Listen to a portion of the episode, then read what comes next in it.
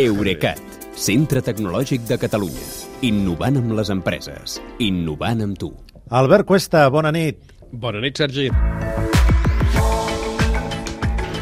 A veure, després d'uns anys a la baixa, la veritat és que les innocentades han tornat a alguns mitjans pel que sembla. Aquest matí, quan ens hem aixecat, segurament els nostres oients també han trobat, no sé, per exemple, al Twitter, doncs algunes notícies eh, que els feien dubtar.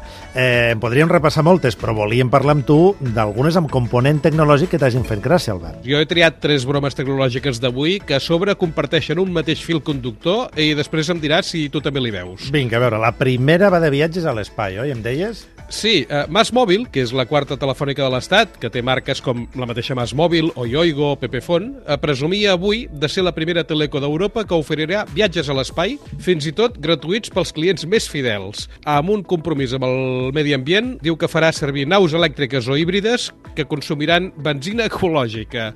Uh, L'operadora uh, assegura fins i tot que espera finançar el projecte amb fons europeus i, és clar la broma en aquest cas és que estirar la tendència aquesta de les telefòniques uh, uh, dels últims anys a oferir altres serveis. Clar, ja sabem, n'hem parlat, que no sabem si en el futur es podran conduir cotxes Apple i precisament la segona broma d'avui té a veure amb la mobilitat elèctrica i no m'estic referint als preus d'alguns vehicles elèctrics. No, la broma aquesta no la fa una empresa, sinó el bloc Híbridos i Elèctricos. Asseguren que la reorganització del grup francès d'automoció Renault inclou desfer-se de la marca romana de baix cost Dacia, que és propietat seva, i diuen que l'ha comprat, qui l'ha comprat és Tesla per llançar el cotxe elèctric barat definitiu, que es diria Model 2, i seria molt més econòmic que l'actual model bàsic, el model 3.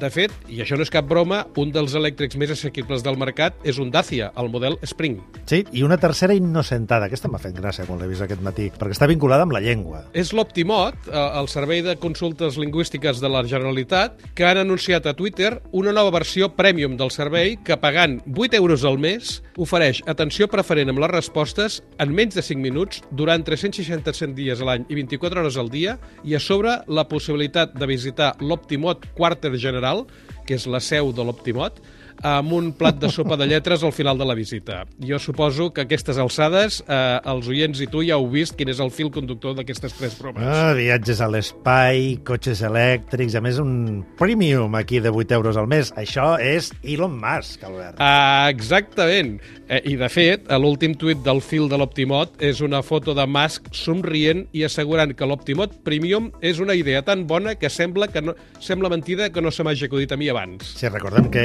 parlem del 28 de desembre, però en general les bromes en tecnologia solen arribar al mes d'abril, el dia 1. Els mitjans yanquis no s'ho esperen i es creuen les nostres més fàcilment. Jo mateix vaig assegurar l'any 2004 al blog que feia aleshores que Apple es preparava per entrar a la telefonia mòbil. Ai. Vaig, vaig explicar quins servidors farien servir, etc etc. S'ho van passar blogs internacionals de tanta audiència com Engadget i Gizmodo, que després de publicar-ho van haver d'aclarir que no era veritat. Clar, jo tinc molt clar que ets un líder en informació tecnològica, el que no m'imaginava és que fossis un líder d'innocentades, també. Gràcies, com sempre, una abraçada, bona nit. Bona nit, Sergi, fins demà.